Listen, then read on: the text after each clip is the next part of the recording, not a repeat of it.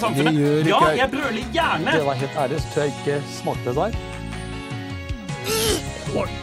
Jeg er jo egentlig en ganske flatbrystet pike. Oh yeah? Well, I love you too. Det ser jo ut som en løgn. Kjersti, sånn snakker vi ikke. One small step for man. Du hører på Gled med TV-en, hvor vi ser på TV for deg, sånn at du slipper. å eh, jeg sitter i mitt sommerlige studio her hjemme i stuen på Hasle og har med meg eh, to andre nydelige mennesker. Eh, I hvert fall ett nydelig menneske. Eh, Nei da. To fine mennesker. Det er Thomas Teie, som sitter i Bergen. Hallo, hallo. Hallo, Thomas. Ja, hei, du hei, Du sitter ikke på loftet ditt som du pleier. Nei, jeg har Jeg sitter hjemme hos mine foreldre.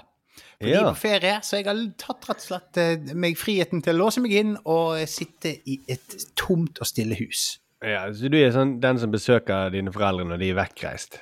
Ja, jeg er den typen. Veldig sjarmerende. Ja, eller dine foreldre er den typen som man ikke besøker når de er hjemme, kanskje? Det er ikke det vi kaller for en, eh, en, en life hack. Besøk foreldrene dine Besøk foreldrene dine når de ikke er hjemme. Ja, så ringte de sånn. Den, stemmen der, den til, tilhører Arild Ørnholt, må vi si. Ja, hallo. Som sitter i sin skjorte på eh, fancy kontoret i NRK på Marienlyst. Ja, nå har jeg eh, brytt meg inn hos eh, Rikskringkasteren sjøl. Ja, og rett bak deg, Arild, Rett bak deg, Arild, så er det et berømt bilde av eh, Trond Kirkevåg som dame. Gammel dame. ja. Så det, så det tenker jeg bare kan velge fra til lytterne våre. da. Hvis dere hører en eller annen form for sånn gudfryktighet i stemmen til eh, Markus og Thomas i dag, fordi at jeg har strategisk plassert meg ved rett ved et bilde av Trond Kirkevåg kledd ut som en gammel dame. Så de er kanskje litt ekstra sånn ydmyke uh, i dag, når de ser på det. Mm. Respekterer det enda mer i dag. Ja. Du sitter så nært det bildet. Og, det- og det bildet eh, altså, Forresten, er det lov å kle seg ut som en dame nå i 2023 på den måten? Jeg, tror du må Jeg gjøre vet ikke om han takt, identifiserte mer- seg med en dame. Det kan være. Ja, ikke sant? Jeg tror du må gjøre det med litt mer takt, kanskje, enn det Trond Kirkevåg eh, gjorde. Ja, for det var veldig sånn eh, fordomsfullt mot gamle damer. De faller mye og sånt i de sketsjene. Altså. Ja. Helt håpløse typer. Ja. Vi skal Jeg skal snakke om en, en ny dokumentarserie som jeg er blitt litt uh, hekta på. Uh, og så skal vi snakke om vår uh, TV-sommer. Og Thomas, du har lovet å fortelle helt på slutten av sendingen om uh, din reise til Britt-boksens hjemland. Ja. Min pilegrimsferd, kan vi kalle det. Eller ferie. Vanlig ferie. Eller ferie. Ja, ja, ja. Det, det var det det var.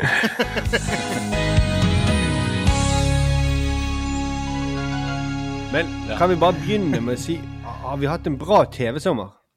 Sånn generelt? Ja. Jeg vil si at jeg har hatt en bra TV-sommer. Jeg har jo vært i England og satt på TV i England. Det er jo kjempestas. Nær TV i England og kost meg skikkelig. Det er en Nei, men jeg, spennende jeg, har ikke, jeg TV-sommer. har ikke eh, Hva har jeg sett på i sommer, da? Um, altså, det har vært, Det er litt sånn forskjellig. Jeg, etter, etter forrige eh, eh, episode vi spilte inn, så begynte jeg å se på The Bear. Mm. Ja. Og det var jo en nydelig eh, start på TV-sommeren den, på den måten, da.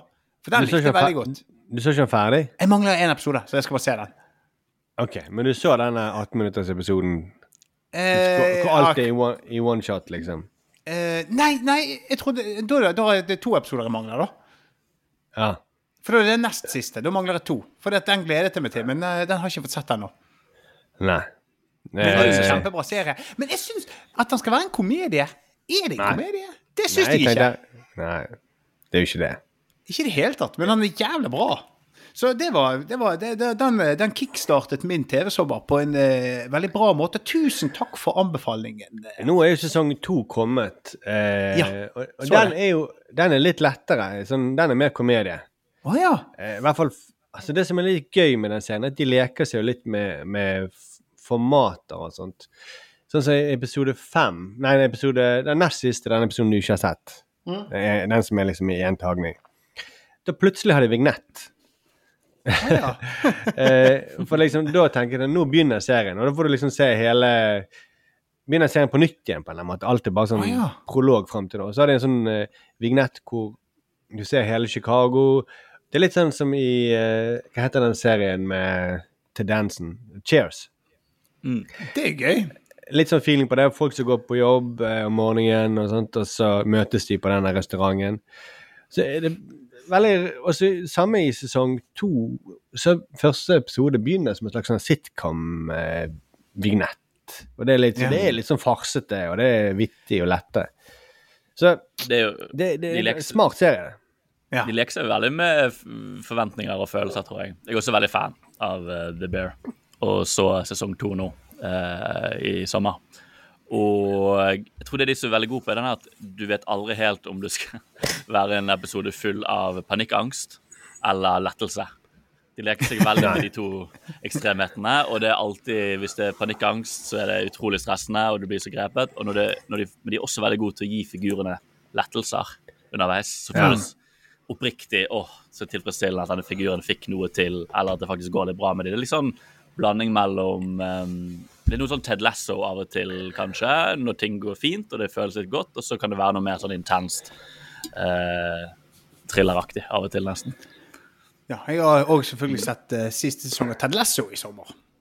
Ja, ja. Det. Det var uh, For en deilig serie.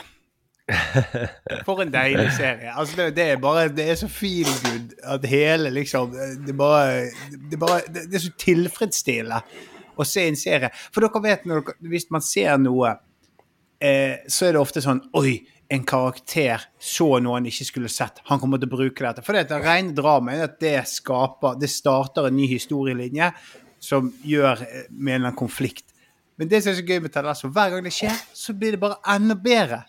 Det er en sånn kosepute av en serie. Du har bare lyst til å bare liksom ah, Han er så deilig, den.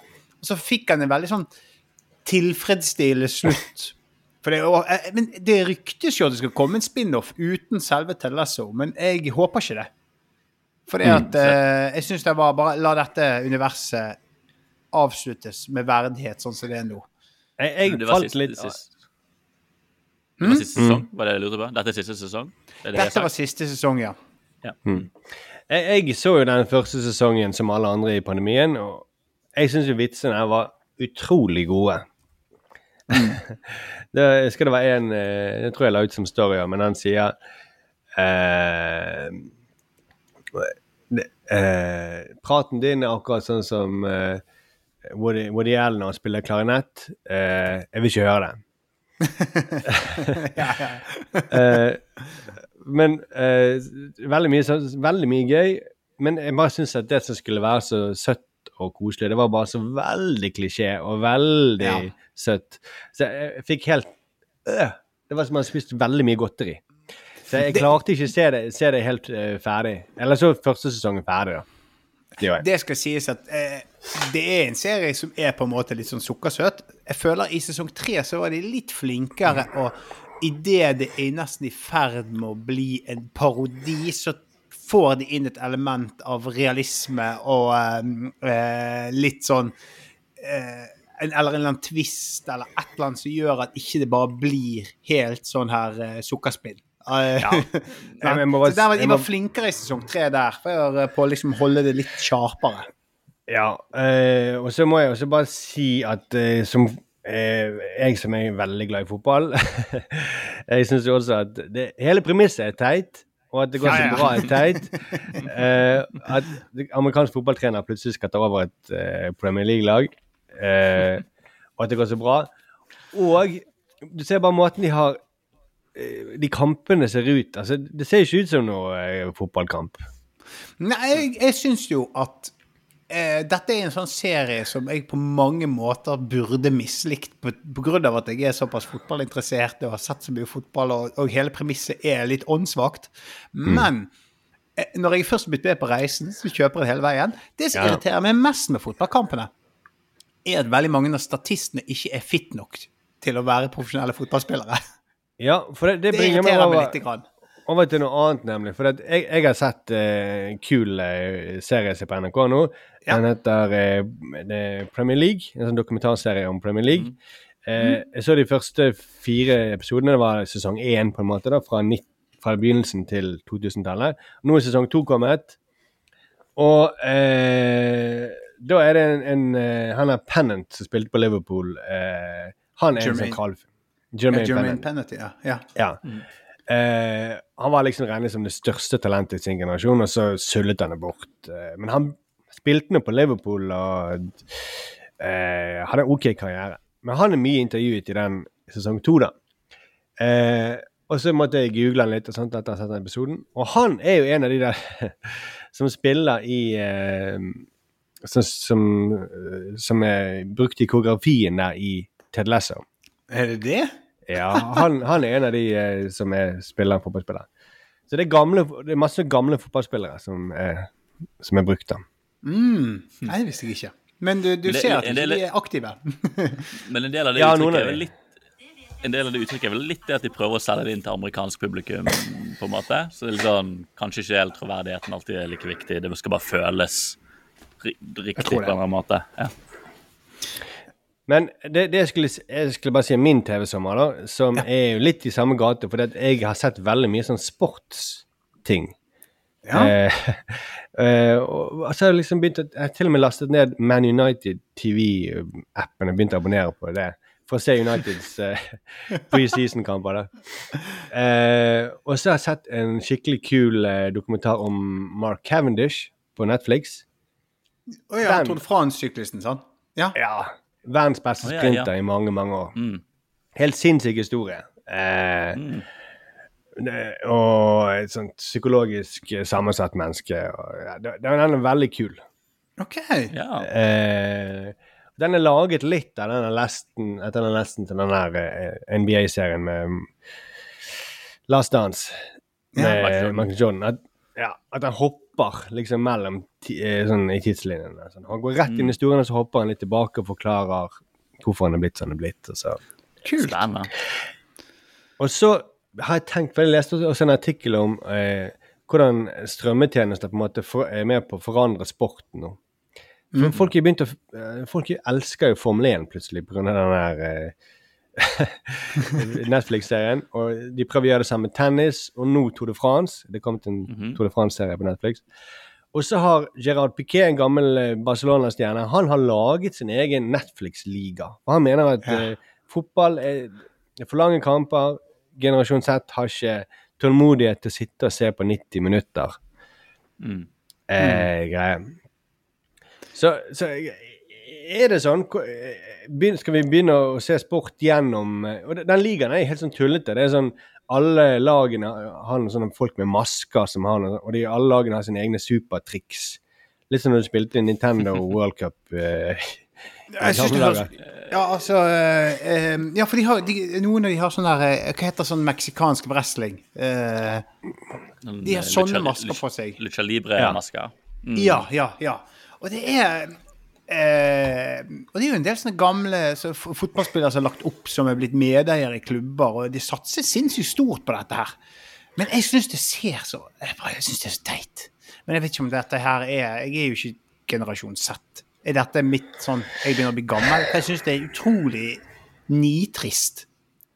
Altså, det som det sto i den artikkelen på NRK, da, som Ja. er skrevet av henne Tore Haugstad, som er kanskje den beste sports- eller fotballskribenten til NRK Han mente at uh, for, uh, de har nok rett i at unge ikke gidder å se 90 minutter fotball lenger. Bare sånn. Bare sitte rett opp og ned og se på det. Mm. Men at uh, samtidig så har fotball aldri vært mer populært Mm. enn det er nå. Og de bare ser på det på andre måter, fordi de vil gjerne ha et chatrom eh, Ja, og sitte og diskutere kampen i og sånt. Jeg jeg Eh, tror men de nyter det likevel. Det med tid det er så rart argument, for du sitter jo ungdommer basalt alt i fire timer på Twitch og ser noen spille Sims som en simulasjon av ekte liv. Eller uh, Radio Fortnite. Altså, det handler jo bare om prestasjonen av det, og at det er tilgjengelig Ja, ja. for dem. Jeg vil, ville mye heller sagt at problemet er at det koster 900 kroner å se en kamp, liksom. Uh, Ja. Enn at det Så jeg tror det er tilgjengelighet, tilpasning, kanskje man ja, kommentatorer, sånne type ting kan man jo kanskje tenke på at kan tilpasses, og prestasjon av det, men Men det, der, men, men sånn i forhold Ja. Men det du sier der uh, Nei, okay, det er jo det at uh, det er jo litt sånn samme som jeg vet jo om en del folk som ikke nødvendigvis uh, Altså som har begynt med sånn Fantasy Premier League for å gjøre kampene mer spennende. Skjønner du? At de følger med på en annen måte. De gir Altså, dette er jo folk som er eldre enn meg, som er dritengasjert i Fantasy Premier League. For det, da får du det ekstraelementet. Når du sitter og ser kampen, så følger du med på andre resultater, og så har du et lag, og så får du poeng. Altså, jeg syns jo fotball egentlig er ganske god på å eh, Altså å, å, å, å nå bredere og få et liksom eh, Gjøre spillet større enn de 90 minuttene. Jeg Ja, syns det, det- jo egentlig. Og, og det er det der med at eh, de, de liker å sitte og chatte med noen og sånt mens de ser på kamper. Det fikk meg bare til å tenke på at eh, ja, det er jo det folk gjør når de er på, ser kampen på puben. Ja, ja, ja. ja. Du, du må, altså, jeg gidder jo ikke se en vanlig fotballkamp. Veldig sjelden ser jeg en kamp med mindre jeg virkelig heier på laget. Jeg har investert. Jeg har investert eh, 20 år av mitt liv i Manchester United og Brann, så det klarer jeg å se alene. Men hvis jeg skal se en annen kamp, så vil jeg se det med en kompis og sitte og prate. Eh, og det er akkurat det samme. Ja, altså Jeg syns jo noe av det gøyeste sånn når det er fotballmesterskap. Og hvis jeg, hvis jeg da ser kampen alene, så er det alltid en gruppechat der man diskuterer kampen. Ja. Mm. Sånn? Det de- og det det kommer med fått- vitser på bekostning av spillere og bla, bla, bla. Altså, sånn, Det er jo litt av greien.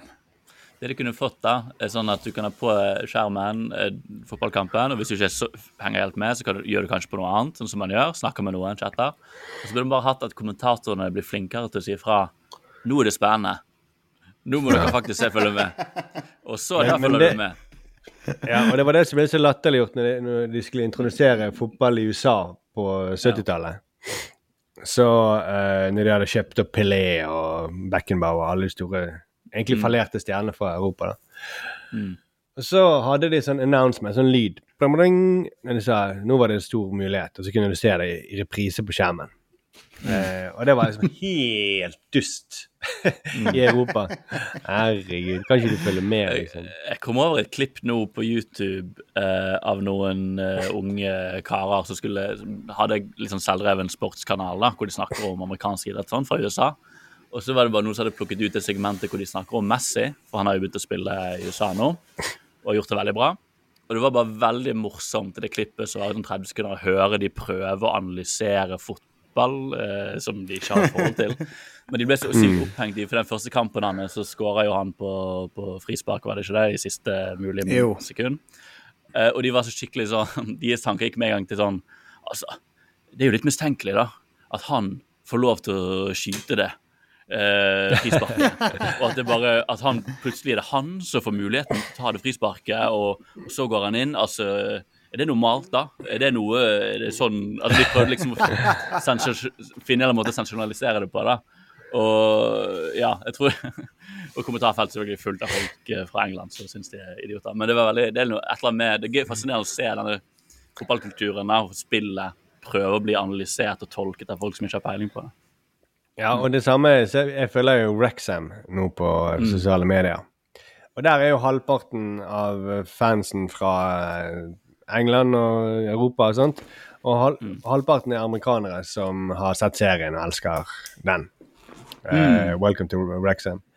Og det blir jo sånne lange diskusjoner uh, under sånn Dette er helt normalt i fotball. Det går helt fint an. Og så er det et annet klipp hvor de prøver seg på amerikansk fotball, som er lagt ut på uh, Instagram. Og de, så er det mange som skriver at ja, alle fotballspillere kunne lett gått inn på et amerikansk fotballag. Se hvor lett de skyter. Og, så, og da kommer jo alle de amerikanerne og sier ja, men altså, i en ordentlig kamp så ville det stått ville han hatt masse folk rundt seg, det ville hatt masse press. Det er helt umulig. Det er gjørmete bane. Det går ikke an å bare liksom Alle kan gjøre det der. Eh, det er godt skudd, men, men det er ikke så vanskelig når du gjør det i helt kontrollerte omgivelser. Så det er jo gøy at disse her eh, sportskulturene møtes, da. Jeg tror for så vidt eh, Måten å gjøre mer av det er å lage dokumentarer, lage gode filmer, sånn type ting. Sånn at man blir interessert i historiene bak da, og forstår idretten sånn sett. Det er det som gjerne gjør at folk blir engasjert. Det at faren din forteller deg hvorfor denne spilleren er sykt fet, og du må følge med på han. Da blir du engasjert. Og det er litt den rollen som dokumentarer får nå for sporter man ikke bryr seg om. da. At man liksom faktisk får noe, en inngang. da. Velkommen inn i til Mm. Jeg må bare fortelle. Jeg var jo og filmet i eh, New York, og da blant annet Uh. var så på Ja, ja men uh, dette er i 2016. Så var jeg og filmet på New York City FC. Altså fotballaget til New York som var ganske ferskt der. Og det var veldig morsomt sånn i forhold til fotballkultur, og hvordan de liksom bygget opp den merkevaren, og hvordan det ble dekket. Men jeg syns det var så gøy, for de når de skulle ha en fotballkamp, så var jo de åpenbart litt sånn der Ja, vi må se til basket og de andre tingene vi har gjort. Så jeg husker blant annet at det var sånn, De hadde sånn eh, loddtrekning blant publikum der du kunne vinne ringside-billetter på stadion. Og det er jo altså nede med gresset. Den nederste randen. Det er jo den dårligste plassen på fotballbanen. Så det var liksom sånn, De hadde noen sånn der eh, De vil, og de er jo helt sykt gode å lage liksom en kamp til et show. Men det, på fotball så var det bare så kulturkrasj. For det, det de, de henter ting fra basket. Altså, det, det kan ikke gjøre det samme, liksom. Altså, I tillegg var jo Yankee Stadium er jo egentlig en eh, baseballarena, så du satt jo dritlangt fra banen. Så hvis du satt helt nede, så så du ingenting. Nei, jeg har faktisk vært der oppe, på toppen der, eh, og sett Ja. en kamp. Eh, og- det som slo meg, var for det første hvor, eh, Det var jo hvordan de amerikanerne ikke fulgte med på sporten, sånn som vi er. De, for de hadde jævlig mye mat. De var familier som satt bare og kjøpte masse mat. Masse spare ribs og kyllingvinger og sånt, og cola. Og så satt de og spiste og pratet, og så, hvis det skjedde noe, så å, jublet de hvis det nesten var mål. Og så var det en liten sånn her gjeng med latinos som eh, var bak hvert mål, og de var helt i hundre. De sang hele kampen med trommer og liksom De fulgte med liksom på hvert spark. Eh, og det tenkte jeg på, det var sånn her eh, Det husker jeg leste om, leste om konsert, konsertkulturen i, i uh, USA og Europa. Hvor forskjellig det er å turnere. Jeg husker Oasis, de hatet så jævlig å turnere i USA. Å ja. For i, på, i Europa så er publikum med og hopper uansett. Mens i USA så sitter de. Eh, Ja. Og da forventer de for han skal danse. Så jeg skal Liam Gallagher. Jeg skal ikke danse, jeg skal bare synge. det må være nok. Da skal publikum danse. ja. Det er riktig. Men det andre tingen som slo meg, da, det husker jeg eh, For Drillo sa en gang at eh, hadde fotball vært oppfunnet i USA, så hadde alle spilt sånn som Drillos. For det at i USA så teller de alt mulig i sport. Det er sånn sykt tellesystem. Eh, Tre sist på ballen, neste på ballen.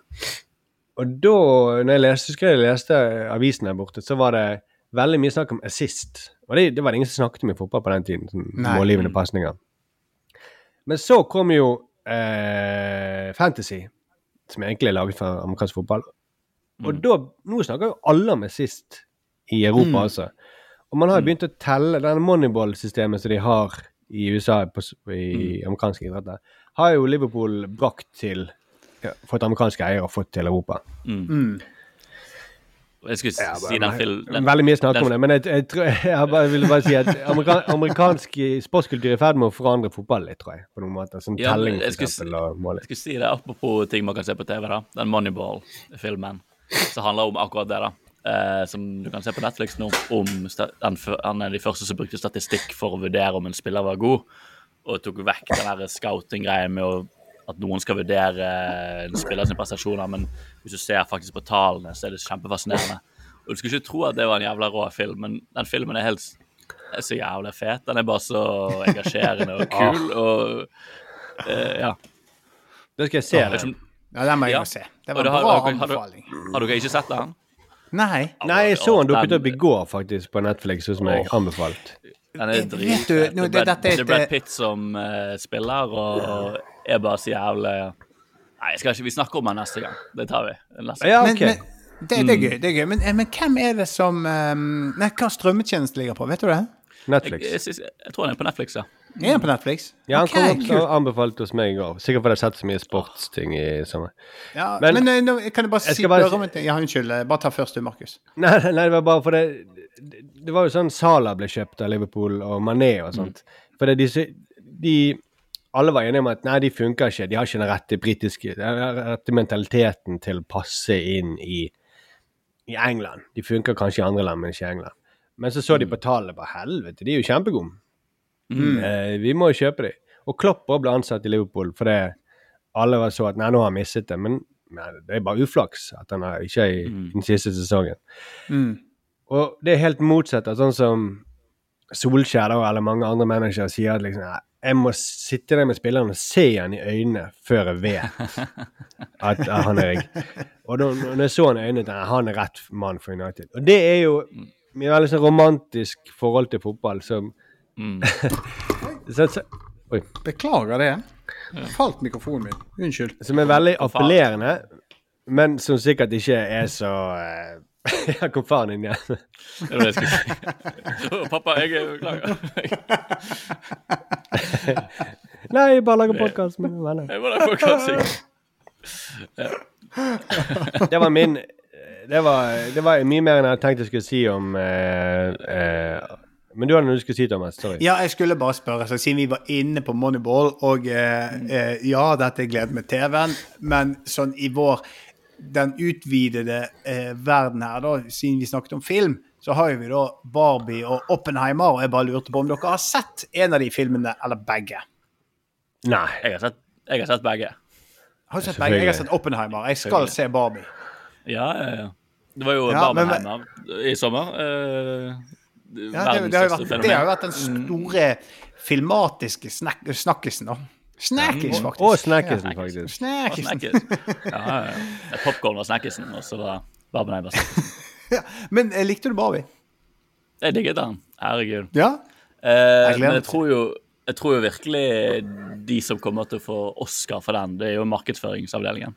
For Ja. den filmen Ja. er, er og den, det er litt sånn, Filmen er jo utrolig solid. Jeg har gledet meg til den før liksom, for lenge siden, for jeg er veldig fan av hun regissøren. da. Eh, mm. jeg fikk vite hun skulle lage. Hun er veldig, hun er veldig smart og du vet hun har mye på hjertet. Og var sånn, når hun skulle lage en Barbie-film, så bare skjønte jeg med en gang her kommer det til å inneholde mye, og det er gøy at noe som sikkert kunne blitt en veldig kommersiell, billig tenkt film, skal bli håndtert av en som har mye på hjertet. Og den filmen har jo veldig mye på hjertet, som jeg ikke helt vet om folk, alle som har gått og sett den, kanskje er helt forberedt på. da. Så, men det er jo det som er så rått. Jeg er helt sikker på at jeg kommer til å like den. For de, de må gjøre det på en smart måte, sånn som de gjør med Marvel eller noe sånt, for at du skal eh, Men, men, hun- eh, denne, hun er Girls-regissøren, hva heter hun igjen? Dunham? Eh, Len. Lena Dunham, ja. Ja. Ja. Hva er det hun skal lage nå? Hun skal lage noe lignende. Ja, var det Polly Pocket hun Polly? Pocket, var det? Ja. Mm. Ja, det, det igjen er en sånn veldig sånn kult grep. da, Ta en sånn cred-regissør, og så gi de en, en det jo- teit verden å la de Hva leke seg var det nå igjen? Er det de små hestene? Nei, det er bare veldig små uh, lekdukker, så du har Ja. plass til i lommen. Å ja, OK. Men Hva ja, heter nei, de det veldig hestene, da? My, uh, My Little Pony. Ja, My ja, Little ja. Pony. Ja. ja. Til og med de er- filmene er jo sånn full av sånn ironisk, selvironiske greier og vitser og som funker for voksne også. Jeg har litt sånn teori om at det er litt sånn den barnslige generasjonen da har jo vokst opp, og de som får lov til å lage film, de som liksom var veldig opptatt av lørdagsgodt og se på TV og litt sånn. Og det er jo derfor man ser mye sånn at man skal gå inn i de eh, lekeverden. Sånn Le The Lego Movie, som kom ut for en liten stund siden nå, da. Eh, som folk tenkte her kommer en Lego-film, kan faen bry seg om det? Den inneholdt jo utrolig mye mening og tanker om fantasi og lek, og hvorfor lek er viktig for et barn å finne identitet, og det egentlig har mye mer dypeliggende tanker, fordi den er lagd av folk som elsket å bygge Lego når de var liten. Og det er litt det samme med Barbie her nå, da. At hun Greta Gerwig opplagt har veldig mye følelser om det rare ved en Barbie-dukke, både det positive og det negative. Og hele liksom, salgspitchen er at dette er en film om du hater Barbie, eller om du elsker henne. Eh, som jeg ikke, noen gang, jeg vet ikke om folk som tar med, kler seg i rosa, tar med datteren sin på syv år, er helt forberedt på at det kanskje, kanskje de blir spurt etterpå Mamma, hva er patriarkatet? Hvor- hvorfor, hvorfor snakker de så mye om det? Altså, nei, nå skal vi snakke litt altså, det, det er liksom en, Det syns jeg er litt rått, da. At det er en film som er markedsført for alle, som faktisk, si kontra Marvel, da, faktisk tør å være litt anførselstegn politisk. Faktisk tør å snakke Ja. om noe. For det gjør jo ikke Men de er nesten nødt til å gjøre det. De er nesten nødt til å gjøre det, for at Barbie er så glatt og så utskjelt, og så Mm. det, det passer liksom ikke inn i 2023 i det hele tatt. Eh, så for at de skal kunne gjøre det, så må de jo på en måte gjøre mye mer enn de har gjort med James Bond, på en eller annen måte. De må Absolutt. Absolutt. Nei, det er veldig kult. Så jeg var ikke helt sikker på at de hadde gjort det, for det, ellers hadde ikke det funket. Ellers Ja, hadde ikke Ryan Gosling vært med. Nei. Uh, så det, den er veldig Den er verdt å ha sett, egentlig bare fordi den er kult å snakke om også. Enten man liker den eller ikke. For det er jo også en film som er veldig lett å ikke like, tror jeg, for noen. For det kan bli for mye, og det kan bli ikke være helt enig med ting og tang. Så det, det er derfor litt sånn kult at han har tjent så mye penger, for han faktisk har noe å komme med. Eh, og Oppenheimer òg, for den saks skyld.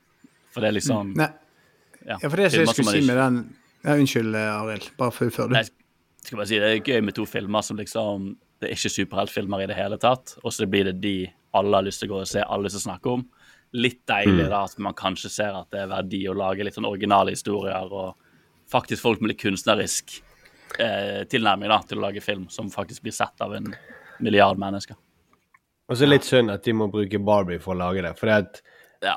eh, regissøren kunne vel sikkert laget 1000 gode filmer, eh, men du må nesten gjøre det gjennom en etablert merkevare for å få Det det, det. budsjettet eller noe. da. Og det er jo litt det, trist at filmer har blitt sånn. Mm. Det er selvfølgelig. Ja. Men Arild har jo da eh, Du har også sagt at du har sett noe annet i sommer.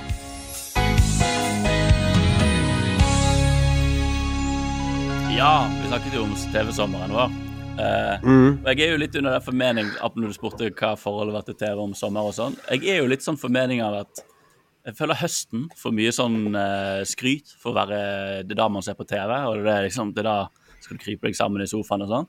Men jeg er veldig Er det da man har høstlansering og snakker om TV-høsten på NRK og TV 2? og- jeg er veldig forkjemper for at sommeren kanskje er en av de beste sånn TV-tidene vi har. For du er så sli... gjer- Gjerne si en bare stereotype standard sommerdag, ikke i Bergen, da. Du har vært ute hele dagen i fint vær. Og eh, du, du er sliten, og du er du, kanskje, du har fått mer enn nok inntrykk da fra omverdenen. Da er det så utrolig deilig å legge seg ned på sofaen øh, og se en film eller en TV-serie sammen med familien. Og man liksom bare kan senke litt tempoet. Og, og man er gjerne litt ekstra sliten. Og da er det så godt å legge seg ned. Den kontrasten syns jeg er veldig digg. da. Så jeg er veldig mm. forkjemper for liksom, sånn, når sommeren kommer, har jeg lyst til å se jeg har lyst til å finne noen filmer. Jeg har lyst til å liksom, ha noe planlagt som vi kan se på, da, hvis det er mulighet for å se på TV. og sånn der vi er. Og det gjorde jeg i sommer. Fikk jeg liksom Ja. til et par gode sånne TV-opplevelser. Men den som var gøyest, tror jeg, for meg og samboeren min, var at vi kom over en TV-serie på Apple TV som heter Hijack. Som, som Den Idris Elba? Absolutt. Og den kom ut i Ja. sommer, Ja. de har skjønt det. De har skjønt det. De vet at Jeg trodde det. De har skjønt at dette er perfekte serien når du er sliten etter uh, sommerdagen og ser på. En serie som handler om flykapring. Uh, en klassisk uh, premiss. Eh, det skjer en flykapring. Hvordan kommer vi ut av denne situasjonen? Hvor du da har Idris Elba, da, som er en av passasjerene. Og han, eh, vet du, han er jo ikke bare hvem som helst. Han må jo selvfølgelig ha et yrke som gjør at vi er veldig glad for at han er på denne, dette flyet. For han, vet du, har dere lyst til, jeg vet du hater å gjette, Markus. Har du lyst til å gjette hva yrke han har, som gjør han veldig egnet for å håndtere en flykapring? Er han, eh, er han eh, sånn agent? James Bond-aktig agent? Ja, det kunne han jo vært, men han er ikke det. Ja. For det, for jeg det? Jeg gjetter, jeg tipper at her kommer det en twist. Jeg tipper han er baker, eller noe helt off. Ja. Han er faktisk systemkoordinator eh, for Nei da, han er ikke det. Eh, Nei, han er Ok, ett litt til. da. Vi må ta ett et, et, et, et, til. eh, mm. Er han eh, vekter? Det hadde vært veldig gøy. Ja, for dere tenker fysisk, ikke sant? Du tenker du fysisk, og han skal overmanne dem. Men det han er Ja, som er- men også at han har vært borti trøblete personer før, liksom. Eller dørvakt eller ja, eller noe sånt. jeg tror, Da tror jeg kanskje de hadde kapret det fortere bare på Fy faen. De hadde blitt så irritert. De hadde, de hadde bare krasjet det rett i bakken fordi de hadde blitt så irritert på han vekteren. Ja, har du legg eh, Ja. Nå tar dere dere en runde, sant? og så snakker dere. Altså, det, det, fun det funker jo ikke på et fly. Det er det verste, tror jeg. Hvis, en, hvis du er på flykamping og sier han, jeg er vekter, jeg håndterer dette. Jeg Det, skal det det Slapp av. slapp av, dere er trygge. Jeg har en lommelykt, jeg har lommelykt med meg. Jeg kan lyse den i trynet. Mm. Uff a meg. Er det første som blir skutt. Nå er spenningen enorm. Nei, han er rett og slett uh, a talented business negotiator. Oi, oi, oi. Så det er hans jobb, da, som han skryter litt av, er at han eh, går inn i forretninger, og så når de skal gjøre en deal, så kommer han og for, forhandler. Han er kjempegod til å forhandle og forstå hva folk vil ha, og sette seg inn i deres ståsted, og så kommunisere med dem for å få det sånn at alle blir fornøyd. Så han blir jo en litt sånn der eh, Når dette, denne kapringen skjer på flyet, så blir jo han en litt sånn person som skal snakke alle sine sider, og det er jo litt kontroversielt på et fly å faktisk snakke Prøve å komme litt overens med flykaperne for å liksom forstå hva de vil og sånn. Så det skaper en veldig gøy tension, da. Uh, og de gjør det på en ikke sånn 80-tallsmåte at han er en sånn uh, gudegitt geni som bare kan uh, overtale hvem som helst. Han, du ser at han virkelig må jobbe og slite litt med å komme på deres side. Og en veldig sånn karismatisk, riktig type for, for å ta en sånn rolle. Og det, dette er bare sånn enkel, solid thriller hvor eh, jeg fikk jo overbevist samboeren min og hennes søster da, når vi var på hytten med de, til å se på dette. De ble litt nervøse i starten fordi at jeg sa jeg har kommet over denne serien. Jeg skal ikke si så mye om den, for jeg visste det skulle skje en kapring, så jeg visste vi er gode hender her. Jeg sa la, la oss bare se på dette, liksom, og, jeg, jeg, og de stoler på meg. Så de sa la oss sjekke det ut. Og de fikk litt kalde føtter, for jeg sier Jeg visste ikke så mye om serien, men jeg sa til de når disse passasjer- passasjerene begynner å både fly, sier å forresten, eh, denne serien foregår i realtid. Da ble de litt, da ble de litt redd. For da blir det sånn Hæ, kødder du? Og så Da har ikke vi kommet lenger er- til de har satt seg ned de satt seg ned i setene og begynner å spenne seg fast og sier ja, denne serien foregår forresten i realtid. Det, det er greie. Da blir de litt nervøse. Dette er interessant, egentlig. Hva man sier. For jeg, jeg gjør jo det samme for å manipulere eh, folk i familien til å se det sammen med meg.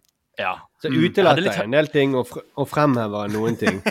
Jeg hadde jo på en måte jeg, Jeg tror jeg klarte jo å få Jeg klarte jo å få Trine Lise til å se på Welcome to Wrexham, for eksempel. Ja, Eh, hva var da taktikken da? jeg jo eh, fremheve de menneskelige aspektene. liksom. Se på den fine, gamle damen her som har holdt med Wrexham i alle år. Se hvor glad hun blir. Ja, ja, ja, ja, ja. Altså, Hun hun elsker jo sånt. Uh, Ja. Ja, for det, sånne, det, det, det er jo det som er fint med serien nå. At uh, Mm. den har en veldig sånn fin human touch. Eh, så uh, hun elsker sånn. Gamle Mm. damer som gråter, eller gamle menn spesielt, som blir rørt og sånt. Det er jo veldig Ja, flott. ja, ja. ja, det er jo veldig fint. Ja, jeg, jeg tror jeg følte litt sånn når jeg hadde sagt det til de fikk litt kalde føtter når liksom, folk driver og strapper seg inn i flyet, og jeg sier dette denne foregår jeg realtid. Så blir det litt sånn Hæ? Skal vi liksom se noen som flyr et fly? Er det det som er serien, liksom? De, og da følte jo jeg litt at det var jeg som var hijackeren. Nå er det jeg som er terroristen her. Nå har jeg, jeg, jeg fanget dere i denne flyserien. Eh, Og de tenker i episode tre har ikke de fått uh, mulighet til å kjøpe cola ennå, liksom. Eh, men så blir det jo en hijacking, og noen reiser seg opp og sier nå skal vi skyte dere, og da blir man hektet med en gang. For hvordan kommer de seg ut av dette? Jeg ser du har et spørsmål. Thomas. Ja, nei, Jeg bare lurte på når du skulle selge det inn. For dette er en veldig nyttig kunnskap. eh, Så jeg, jeg merker jeg har mye å lære av dere, og eh, kanskje lytterne òg av det. Men jeg bare ble litt overrasket av at de ble overrasket av at det skjedde en kapring. Når serien heter Hijack, sa du ikke tittelen? Uh, ja, Hijack kan jo være i overført betydning òg, da. Ja, ja, ja. Det, det her, det, jeg, jeg, jeg, jeg spør fordi at hvordan klarer du å lure den når tittelen er så tydelig? jeg tror og likevel det var rett klare å lure de inn. Det var rett og slett bare sånn et uh, skudd i blinde. Bare nå må jeg bare Og hvis de skjønner det, det går helt fint for min del. Men uh, den, den, den gikk rett og slett bare ikke gjennom. Jeg tror de bare ble så nervøs for uh, at det skulle handle om noe annet. Jeg, vet, jeg ville jo også tenkt det samme når jeg sitter og ser på Ja. en serie som handler om masse folk som går inn i en buss, og en av de er Keanu Reeves. Så tenker jeg kanskje at Kommer det til å være en bombe på denne bussen, eller noe sånt? Så de kan Ja, finne ut ja. av. Det, det er ingen som lager en film om en buss med Keanu Reeves i hovedrollen. Uh, og det var jo Idris Elba, liksom. Så jeg tenker jo sånn Kanskje det Jeg sa bare til dem Jeg tror dette er veldig spennende. Idris Elba er med, og eh, vi sjekker det ut. Liksom. Og så pleier jeg å si dette er mitt, mitt. Jeg har et sånt triks her som jeg pleier å si, som er sånn Gi det ti minutter. Liksom. Ja. Nå skal ikke vi låse oss noe. Gi det ti minutter. Hvis det er kjipt, så bare pff, driter vi i det. Du er sånn skjer. far på tur, jeg- og så har gått ti minutter, så bare Vet du hva, nå er vi snart der. Vi gir det ti minutter Ja. til. Er du en Ja. Du kjører den i en time? Ta matpakken om ti minutter til. Ja. Mm. Ja, ja. Jeg, jeg er jo stuck, liksom. Min, det som er koselig nå, er at min datter har begynt å se de samme tingene som Noen av de samme tingene som eh, jeg gjør. Altså, hun, hun elsker Simpsons, det kan hun si, og eh, Modern Family. Eh, og vi har sett fem sesonger Modern Family i sommer. Men det går jo bare sakte nedover nå. Eh, det er fremdeles veldig bra, men Mm. jeg prøver å få henne til å se noe annet. Prøvde å få henne til å se Futurama. Hun har bare sett Få se traileren. Nei, nei, nei. nei. nei. Har du prøvd, eh, har du prøvd Garth i Dark Place? Jeg kan prøve hijack, jeg ikke sikker. Bare- Hun var jo glad i å flyte i Nei, hun var glad til å flyte i Gran Canaria. Det er, der digget hun. Men, Men det er greit å gi sin datter flyskrekk. hun, det- gleder seg, hun gleder seg veldig sånn til episode to når de tar fram eh, tegnesakene og skal begynne å Ja, ja. løse de der uh, kryssordene, for å si. nei, det kule er jo den der eh, lille skjermen du har framme i puten foran. Ai, ai, Og den spiller faktisk- velge. Han Spiller foregår i en, en viktig realtid. rolle. Spiller en viktig rolle, ja, ja. ja men, men i tillegg så, så prøver jeg å få henne til å se Friends, da. Eh, jeg tenkte Ja. det er kanskje en oppgradering. Eh, men det, det vil hun ikke. Eh, Nei, selv om det det var en veldig kul eh, jente på hotellet på Gran Canaria som hadde på seg en Friends-T-skjorte.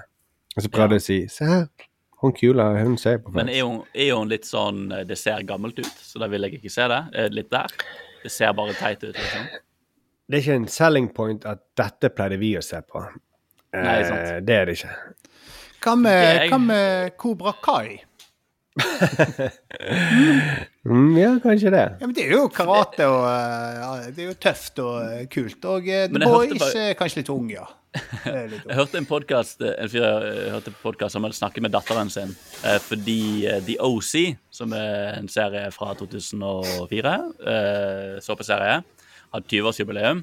Og så snakket han med datteren sin, som er 16-17, og de snakket om den fordi hun var så fan av den serien. Og det var litt fascinerende, for hun eh, Han var veldig opphengt i at du ser jo aldri på gamle ting som jeg eh, sier du skal se på, så hvorfor er det OC noe du vil se? Altså, The Oz, den, er fit, den fengselsserien Nei, nei, nei, dette er en, såpe, dette er en uh, såpeserie. OC. Altså en serie ok. som, som er et område det hadde vært gøy hvis det var Oz. Uh, Det hadde vært helt nydelig. Ja, det vet jeg.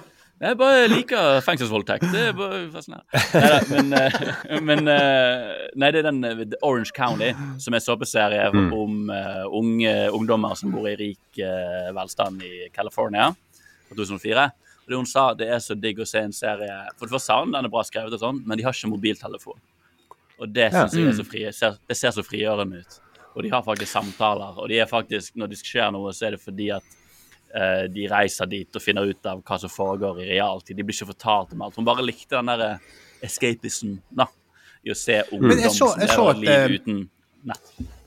Ja, men akkurat det samme skjer med den One Tree Hill, som er jo om- kom ut samtidig, som òg trender nå fordi at folk eh, Altså, eh, unge folk ser på den serien, for det var en tid uten telefoner. Mm. Det er veldig rart, liksom. For jeg tror, og det Jeg ser jo ikke på også- serier for, uh, fra 50-tallet, for da hadde ikke de liksom uh, elbiler, eller hva faen det skulle være. Jo, liksom. men hvis du le jeg syns det er litt fett å lese sånn Jeg husker jeg leste eh, New York-trilogien av Paul Auster. Det, det er sånn krim. Eh, mm det, mens jeg var i New York. Det var liksom den samme byen, men det var uten mobiltelefon. Sånn at han måtte finne et sted å ringe fra, eh, og han måtte liksom slå opp i telefonkatalogen og sånt. Det, det var så På en eller annen måte var det veldig Det var noe veldig forlokkende med det. Det virket som et mye sånn roligere eh, et liv, et liv med en annen type rytme, da. Bare pga. at mobiltelefonen var vekke. Og det er jo også det faktumet i TV og film at mobiltelefoner ødelegger veldig mye sånn, for historier og plott, for det Ja. forenkler ting så veldig, og det er ikke gøy å se på.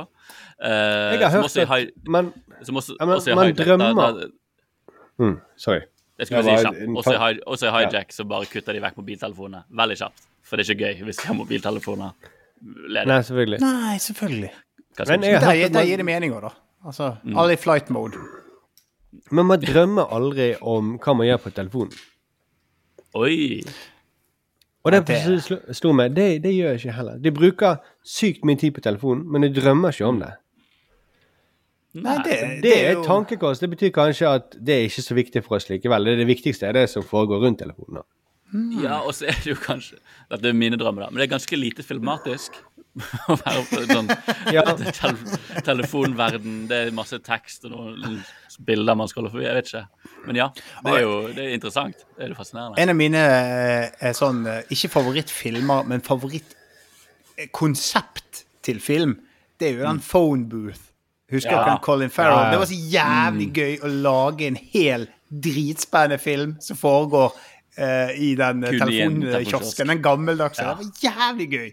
Rett og Og de gjør, de gjør egentlig New York, Die Hard i New York bare Bare konsentrere seg om telefonkioskgreier. Ja, men det helt De bare blåser det- det opp til hele filmen. Det er dritgøy at de har klart å gjøre det, altså. Og hele ideen der og alt er fantastisk, syns jeg. Det er jo det som er så smart med jeg bare, Jeg er en sucker da, for sånne ting som er hijack, phone booth.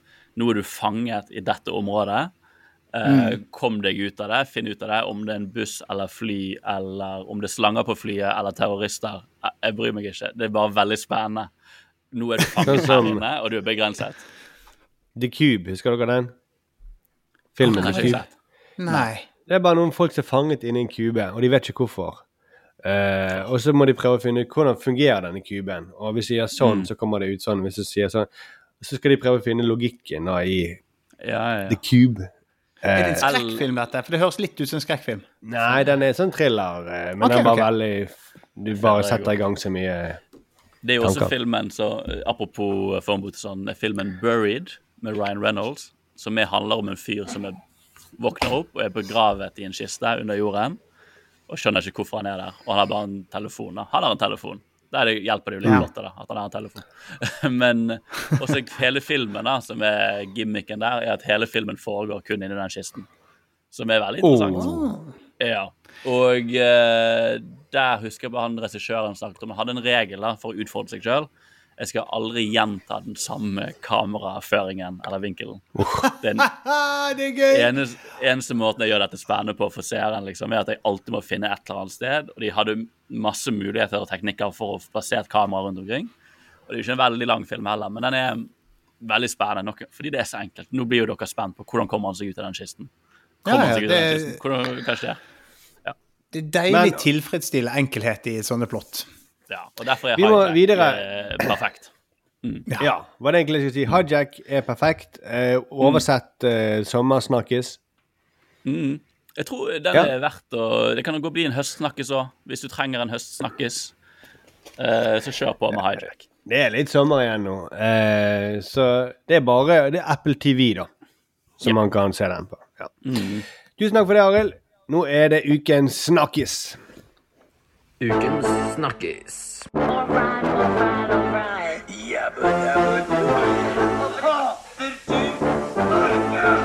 Tacofredag. Han snakker uansett hva han sier.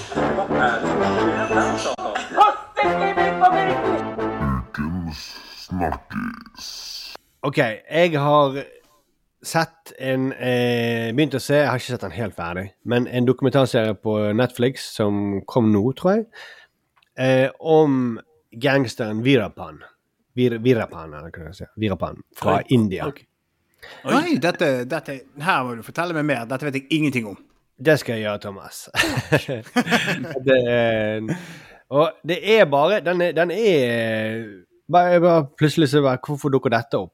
Om en gangster, indisk gangster. Og så blir det jo hekta bare Bare spille av eh, vignetten, for den er så jævlig fet. Bare soundtracket og hele Den fungerer som en slags trailer for hele serien. Hør på dette.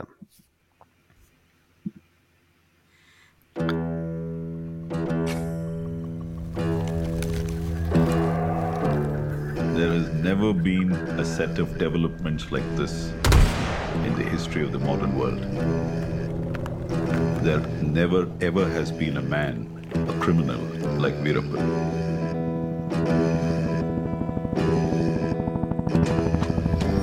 போடா தினம் புலம்பாத உன்னை காக்க யாரு இது காடு பதறாத Veerappan and his gang members have killed 119 persons so far.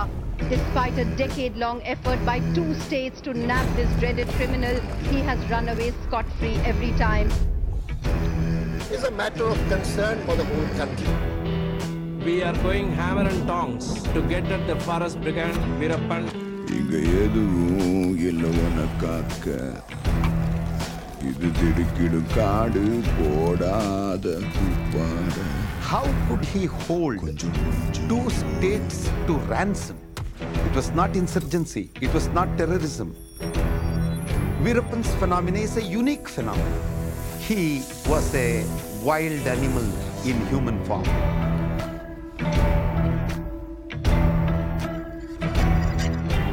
The hunt for him became one of the longest, costliest manhunts in the history of India. det var kult. Og han som snakker med den dype stemmen, han er, han er ikke voiceover. Han er bare en av de som er intervjuet. En, en, han har bare så jævlig fet stemme. han er journalist og har uh, undersøkt den i mange år. da. Ja, men Musikken var jo dødskul. Det var litt sånn der, Jeg forventet nesten sånn at jeg vet, Eller det hadde ikke blitt overrasket hvis Tom Waits hadde begynt å synge til slutt. Skjønner du? Ja. Men det var enda fetere at det var en sånn gammel Jeg tenkte også på den der andre sesongen av The Wire. Den, Ja. men, men det var nesten enda fetere at det var en sånn gammel, sliten fyr på Jeg vet ikke om, han, om det er urdu eller tamilen synger på, men det er jævla fall. Dødskult. Ja, det var dødskult.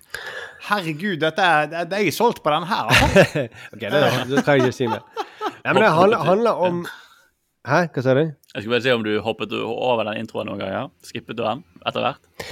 Ja, den er jo bare i, sesong, i episode én, da. Men det, oh, ja. det er fett uh, musikk hele veien, altså. Så jeg vet ikke om det er de samme Ja. som har laget musikken. For jeg følte, jeg følte litt sånn at de For de vet at folk ofte skipper over de introene, så de må bare jobbe så jævlig hardt for å gjøre de fete for å få med seg eh, ting.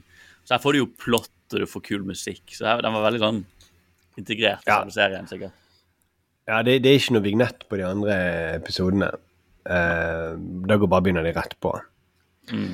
Men det, det, det handler altså om, om gangsteren Virapan fra Tamil Nadu, som er da en sånn tamilsk eh, provins sør i India.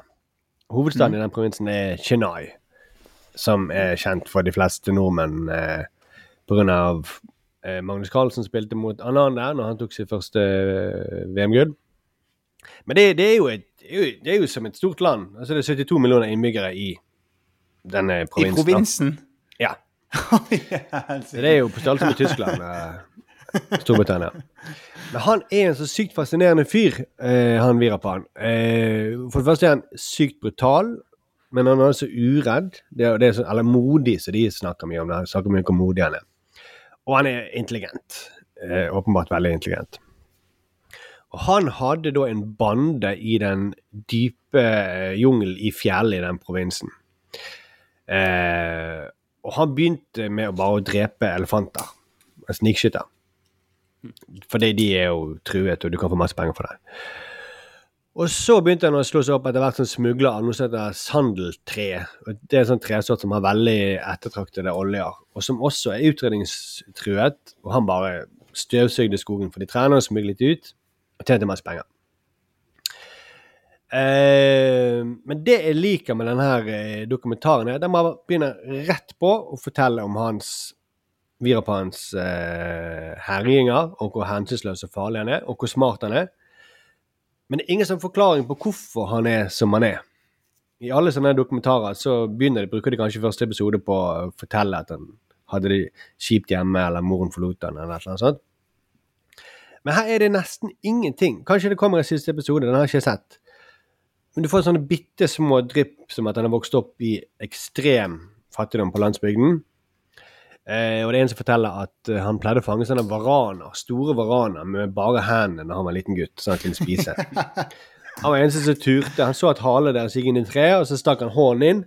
Og så, selv om de beit og klorte han til blods, så dro han de ut, liksom. Shit.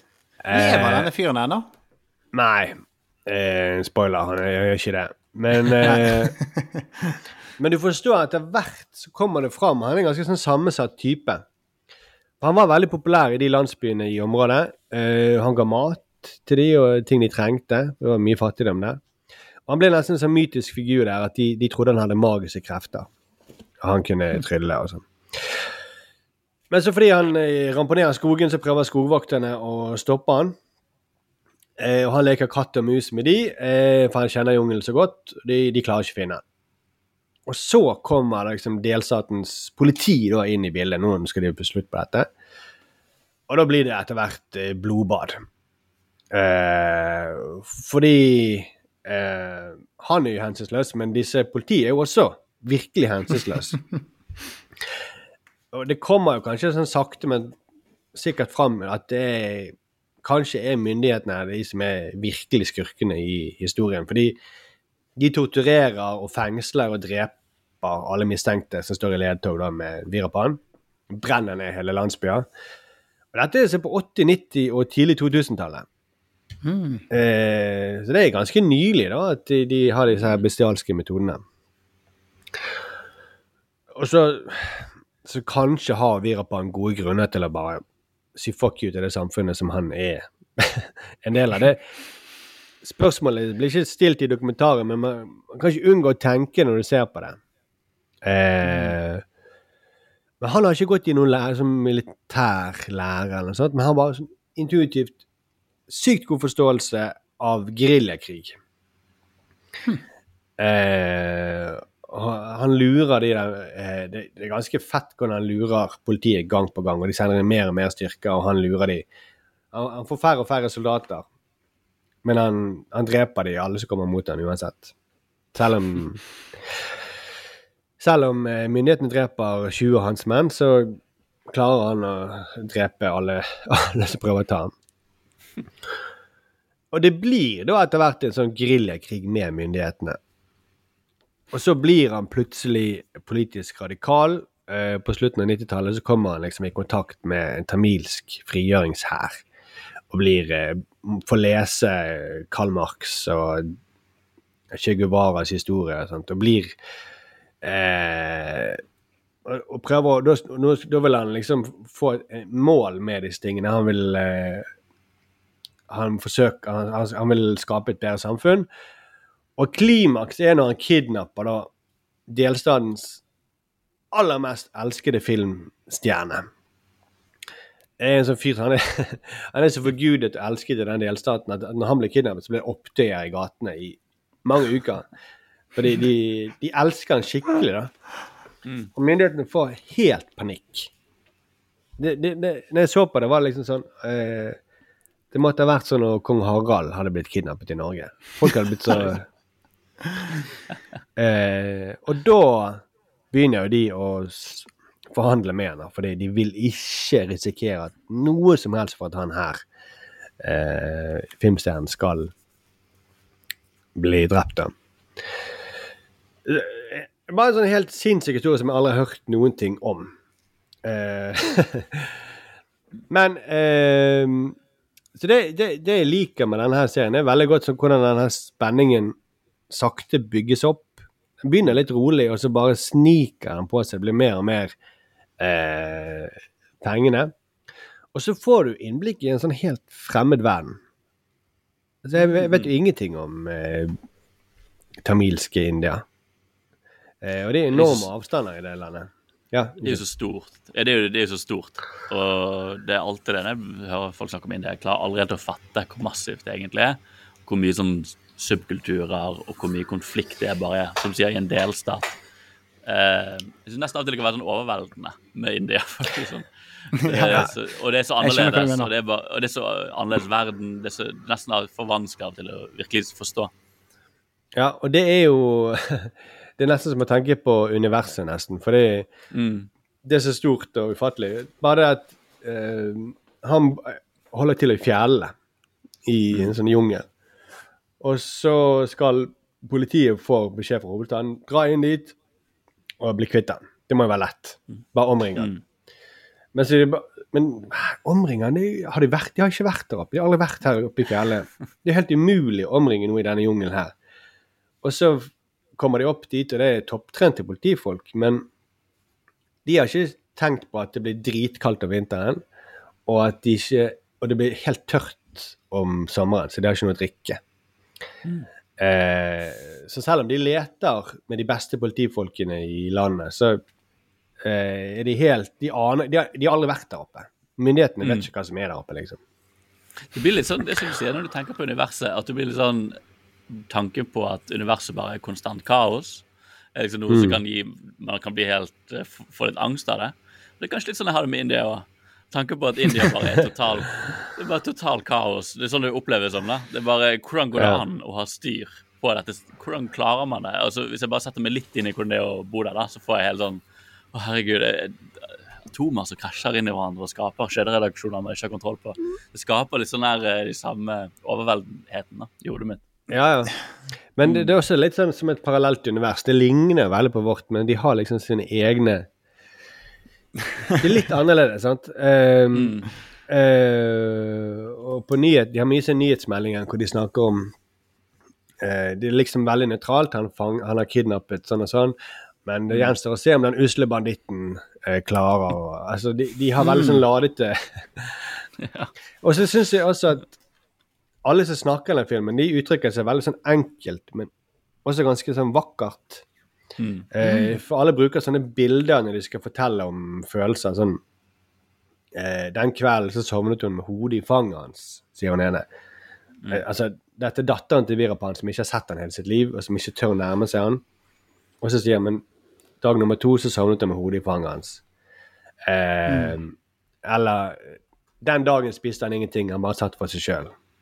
Og han var lei seg, sant. Eller Mm. eh, Ja, det var sånn, sånn ene fortaler at han Virapan og han Han som har kidnappet han skuespilleren, de satt i tre timer og bare hørte på froskene som kvekket i regnet.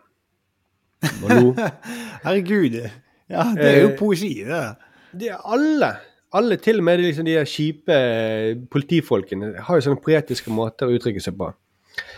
Eh, og det Det, det virker som de, altså Alle som er involvert i denne her saken, da, eh, som har overlevd Det virker som om de har fått alle disse i tale. Det er veldig mange som snakker i denne filmen. Eh, og hun som eh, snakker veldig mye, er Virapans kone, som heter Mutulakshmi. Eh, også et sykt fascinerende menneske. Hun ble sjekket opp av Virapan da hun- Han var 39, og hun var 15. Eh, som også er en, en annen venn. Men hun, snak, hun elsker jo sin mann, og hun snakker jo helt, helt altså, Hun snakker så nydelig om kjærligheten mellom de to. Samtidig så det er ganske hyggelig plutselig når hun begynner å le når hun snakker om eh, brutaliteten hans. Mm. «Ah, Så drepte han de, og så ler hun godt, liksom. Eh, altså, hun, hun er Hun er på en måte hovedpersonen i denne dokumentaren. og Hun er, hun er jævlig fascinerende. Eh, og gikk for å være liksom den vakreste av vakre Han ene politimannen som hadde fanget henne, hun var så vakker. Hvis hun hadde vært med i en skjønnhetskonkurranse, så hadde hun garantert vunnet førsteplass. Som også er en veldig sånn teit, rar måte å snakke om det på. Da. Men ehm, Yeah. Jeg så jo bilder, sånne gamle bilder, og hun var jo, hun var jo veldig vakker. Eh, Mm. Så det ja, nei, fascinerende Jækla fascinerende dokumentar. Men det, jeg føler alltid når folk beskriver eh, sånne dokumentarer så du blir helt sånn Herregud, at dette har skjedd. Så blir jeg, jeg blir alltid tenker sånn Hvorfor har ikke man hørt om det tidligere, på en måte? Hvorfor Mm. er det nå Mm. har de endelig fått fingrene ut og laget? For det høres jo alt Det er jo derfor kanskje tegnet på god dokumentar. da Det høres ut som verdens mest interessante menneske, egentlig. Ja. Det er en veldig gøy følelse når man kommer over de dokumentarene. Nå har jeg faktisk funnet han verdens mest interesserende interessante person. Det er litt det, det, det er jo det som ja, dokumentarer er veldig gode på ofte. Ja. det er Netflix, dette, sant? Det er på Netflix. Fire Ja. episoder. Jeg har sett de tre første. Ja. Uh, så jeg lurer litt på hva som skjer i episode fire, om vi får noen sånn Får vi noe innblikk i psyken hans? Eh, sånn, som det, sånn som det vi får nå, er det bare sånn at Ja, han har vokst opp i fattigdom, og det var nesten sånn forståelig at han begynte å drepe elefanter for å overleve. Mm. Men eh, han hadde noe mer enn det, da. Eh, som de, de snakkes ingenting om bakgrunnen hans, som er litt rart. Det, det tipper de har holdt igjen til slutten. Men det eh, twist. Ja, den der eh, er, er timeepisoder, vil jeg anta. Ja, 50 minutter kanskje, eller 40-50. Men han er, Men det, altså, bare å si sånn, det, det, mal, det er ikke noe rosenrødt bilde av han. Han er jo en gangster. Mm. Han er jævelen. Altså, han dreper folk med kaldt blod. Mm. Men så blir det desto mer tiltale de øyeblikkene hvor han viser godhet og omsorg for de fattige, eller for Ja. ofrene, eller sine gisler, eller søstre. Mm. Men han er helt tydelig at han, han, når han blir sint, så klarer ikke han styre sinnet sitt. Når han blir sint på søsteren sin, så bør vi ikke han ha noe med henne å gjøre resten av livet. Og han blir s- eh, Ja, altså, han mister det helt, liksom. Mm. Han er veldig kompromissløs. Eller yndlingssøsteren, som de sier, faktisk. Som er en rar ting. Det er kjipt for de andre hvis han har flere søstre. Så bare sånn, å ja. Så hun var det yndlingen. De får vite det i Det dokumentaren. Ja. ja, jeg tror det var helt uttalt at Men det er jo sånn Det er også en sånn rar ting som ikke vi kunne sagt. Yndlingsbarna våre eller yndlingssøstrene eller Nei, det er ikke lov å si. Det er ikke det. Nei, men uh, se den, da. Den er, den er dødskull. Og, og du får fram i sånn her politisk Det mest, lærer masse om politiske spenningene mellom tamiler og resten av India, liksom. Og Mm. det blir etter hvert noe, no mye mer enn bare den gangsterhistorien. Nei, bra anbefaling, altså. Ja. Jeg tar jo Etter The Bear så må jeg bare lytte på alt du sier. Du har vunnet min hele fulle tillit. Jeg er skuffet over at jeg ikke hadde samme effekten med Garth Merengue på dere. At, eh, Vi det- likte det Garth si. Merengue, det gjorde vi Ja, Ja, dere gjorde det. Ja, men problemet Thomas, var at du sa tittelen. Og da mistet vi Ja. Basen. jo. Ja. Du sier tittelen på serien her for å få se det. Ah, ja. Jeg har så mye å lære av dere. Jeg har så mye å lære. Men Du sa jo heller ikke det. Gi det ti minutter, så ser du. Nei, sant? Det var mer du sa det er det beste som noen gang har vært. Det sier jo for så vidt jeg òg, men uh, Genialt! Mm. Arild er en snikete måte. Han, det er sånn at du nesten opplever at du oppdager det sjøl. Ja. Er Ja, det, det er litt god, det, ja. er det vi kaller en inception? et lite frø. Skal dere få lov til å tro Ja. at dere har oppdaget det? Min drøm er at dere plutselig anbefaler serier jeg anbefalte dere til meg igjen. Ja, du må se Hijacker, så har du fått det med deg. Jeg bare, Ja, det skal jeg se, og så vet jo jeg at det var egentlig jeg som startet det. Ja, altså Jeg har jo veldig Ai, ai, ai. godt forhold til alle sånne hijack-filmer etter jeg så uh, 'Hjelp, vi flyr' eller 'Airplane'. Eh, Så jeg vet jo at det blir gøy. Det blir morsomt uansett. Ja, det, Du kommer til å le deg igjen. Altså, da klarte han å selge den. Han bare snudde litt på pitchen til min forhold. Min. Det var eh, Det er ikke så mye mer å si kanskje om det, men det er ukens eh, snakkis. Det anbefales. Ukens snakkis.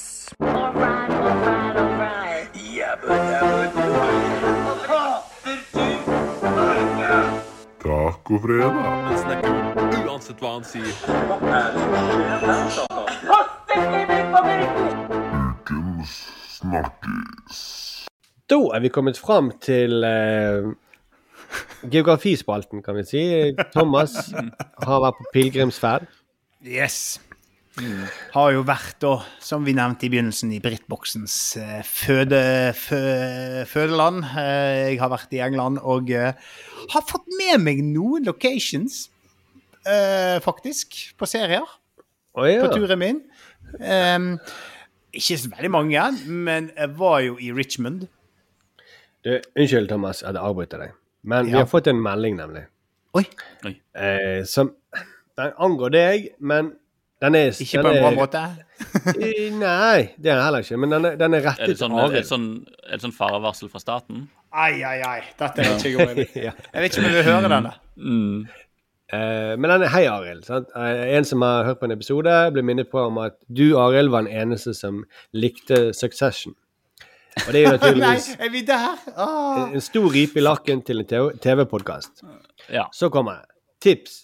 Dersom Thomas ikke vet at skaperen av Succession er Jesse Armstrong, som også var skaperen av Peep Show, og manus, manusfatter i Th The Thick of It, så bør han gjøre oss oppmerksom på det. Man må jo sitte langt inne Man må sitte langt inne for Thomas å avfeie personen som leverte to av britisk TVs kronjuveler. Å, å, herregud! Der har Ah, vi der solgt Succession skal ses. Det anbefaler vi Eh, anbefalingens og så mener han da. Ja, eh, Mm. han anbefaler gjennom Skram, da. Ja, ja, ja. Eh, og synes også gjengen virker å ha fått inntrykk av at dette er en blodseriøs eh, og utelukkende mørk serie. Heller en blanding av drama og sort komedie som det egentlig er. Ja. Så eh, Nå- Thomas, ja. ja. Da må det ses. Må- det, var, det se. det var salgspitchen sin. det var mye lekser også- til neste. Og, og, så jobb, og på Vip, da, hvis det hjelper noe. Oi, der, jeg har jo, her har jo jeg gjort en dårlig jobb, jeg vet det. Jeg tror eh, jeg ble for tatt opp av følelsene mine og klarte ikke å gjøre anbefalingens kunst. Uh, Med mindre det er du som kjenner navnet Ola Ringen eh, Ringer den bjella hos deg? eh? Hvis du er så subtil, eh, Arild, at du opp, Hvis du oppretter eh, falske kontoer og tipser så frø gjennom det, er det. vel, det blir vel et, er ikke det et anagram, da? Ola Ringen? det høres eh, ut som et anagram. Mm. Tenk- det hadde vært et mesterverk, Arild. Et Åh, mesterverk. Du, tenk så sykt. Dette hadde vært en bra psykologisk drama, da. The Tipser. Eh, eller en fyr som, Nei, han, han har klart å tipse oss igjen! Han det? Han har klart å få oss til å se på den serien. Han, Så han, i hele, han styrer hele verden. liksom, han tipser meg om konen min også. Det er tips. Og, det, det, og den handler om Arild. Ja. Mm. Så, så er det liksom det han, å, Det er fantastisk. Plutselig en episode at uh, han eh, Statsministeren plutselig sitter og spiser syltet rødløk. Og barna bare 'Hæ? Hvorfor spiser du? Du har aldri spist det før?' Nei, jeg fikk et til. Å nei, det tipser! Jeg er jo allergisk. Ja, for sånn kan du styre verden. Ja, Sånn ja, kan du styre er verden. rareste sånn, Statsministeren døde i dag etter å spise noe han var allergisk mot. Vi vet ikke hvorfor han gjorde det. Bare plutselig så Og så får du nå nyhetene Ole- et anonymt tips. Og så for hele saken så vender du alt vekk, fokus vekk fra deg. Eneste kandidaten til å overta heter Ola Ringen. Ja, ja, ja. Men det, det er viktig hvis, eh, hvis du klarer å Du kunne sikkert eh, sagt til meg Prøv ti minutter med valnøtter, Markus. Ti minutter med Og jeg sa støvmiddelallergi. Bare prøv å være i støvet rom med tepper. Det er vegg-til-vegg-tepper i ti minutter, Thomas. Du kravler under sofaen, Thomas. Det tror jeg du kommer til å ha en god opplevelse med. Bare bli der i ti minutter. Ja. Nei, men altså, det var en eh, avsporing. Det var, det var en Ja, eh, veldig, veldig eh, Det er jo det som er selvfølgelig men det er jo, Jeg har ikke klart å snakke om Success- Succession engang med dere, men det, er, det er en veldig morsom serie også. Det er jo det. Er jo det. Fordi de sa det om The Bear, de sa det om The Bear. Den er bare bra. Den er bare bra. Ja, men Thomas, eh, eh, ja, jeg har jo vært i Britboksen. Du, og jeg, du var korstog, du var på korstog ja, jeg, var, jeg, var, jeg var i Richmond, og dere, og, og dere vet jo hvor det kommer fra. Richmond. Ted- Ted Lasso? Richmond Kent. Ja, Ted Lasso. Og så var jeg i Slough.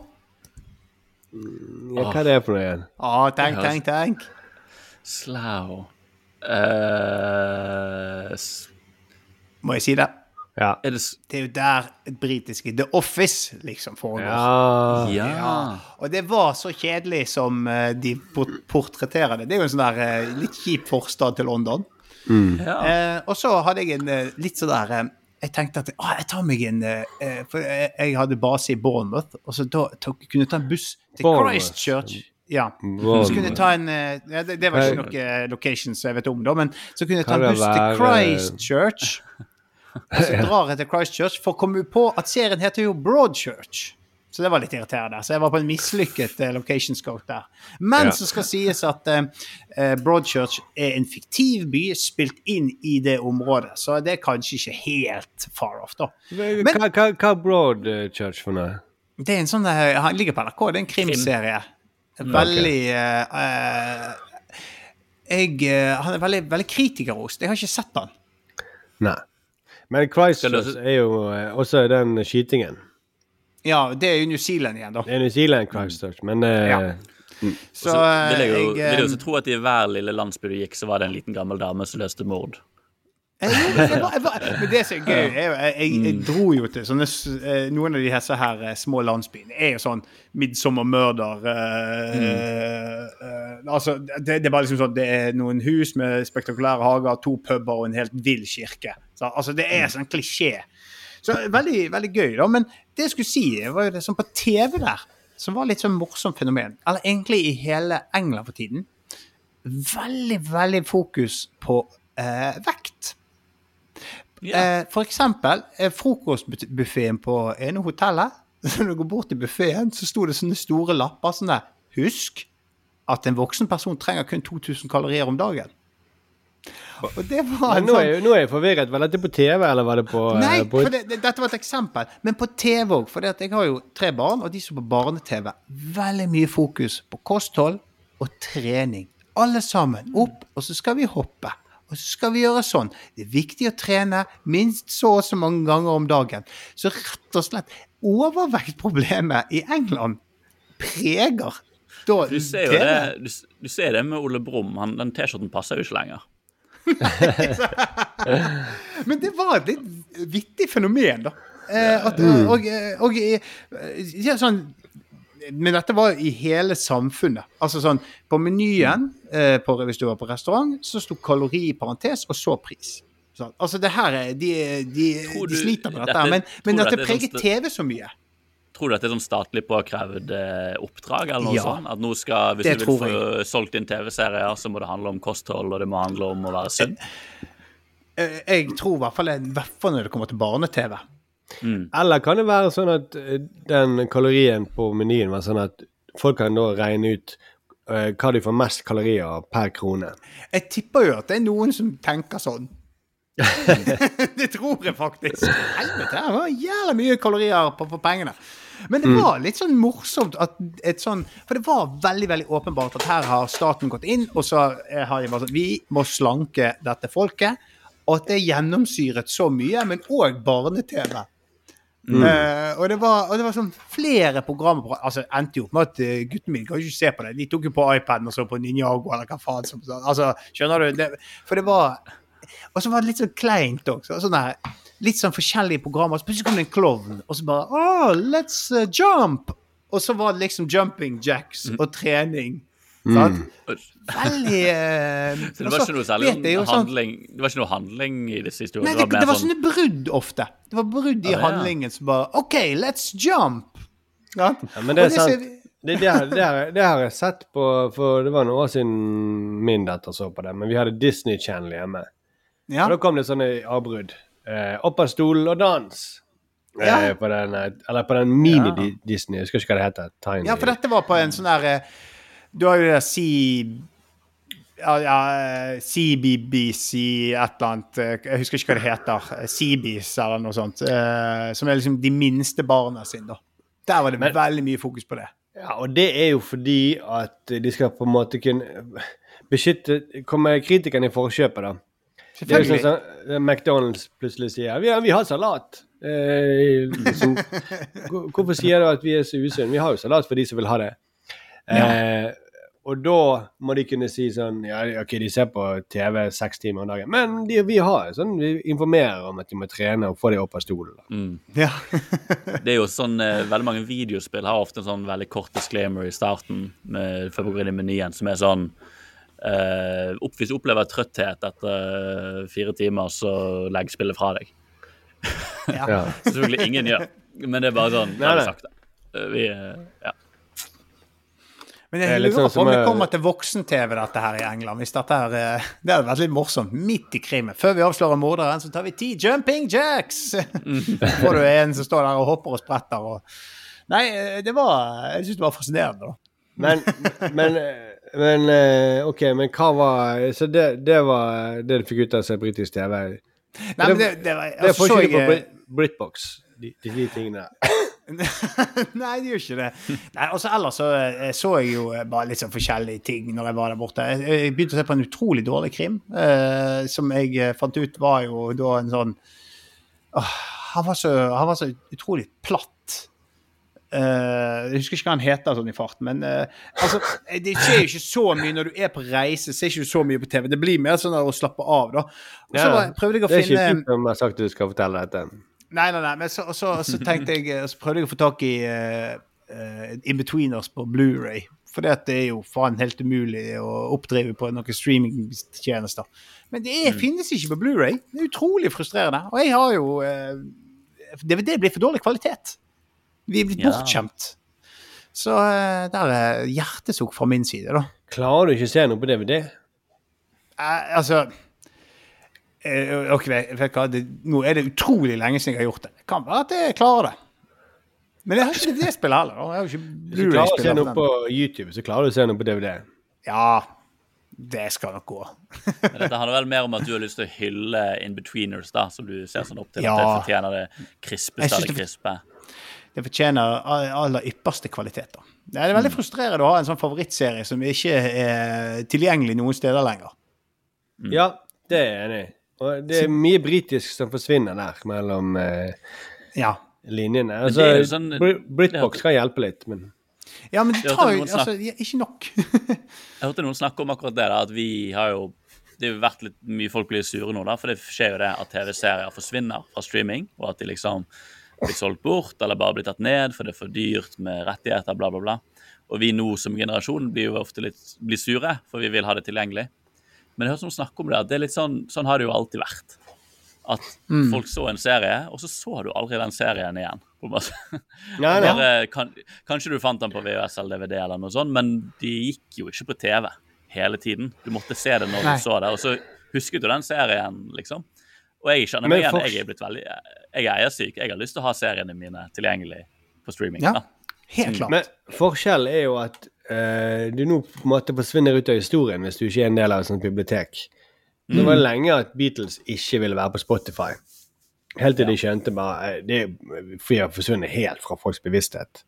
Eh, Ja. Folk eh, snakker om Elvis og mange andre, men, men for at vi skal huske, så må vi være på Spotify. Og det samme var jo når Seinfeld plutselig kom til Netflix etter lang tid. Det var en sånn stor greie. Nå kommer Seinfeld.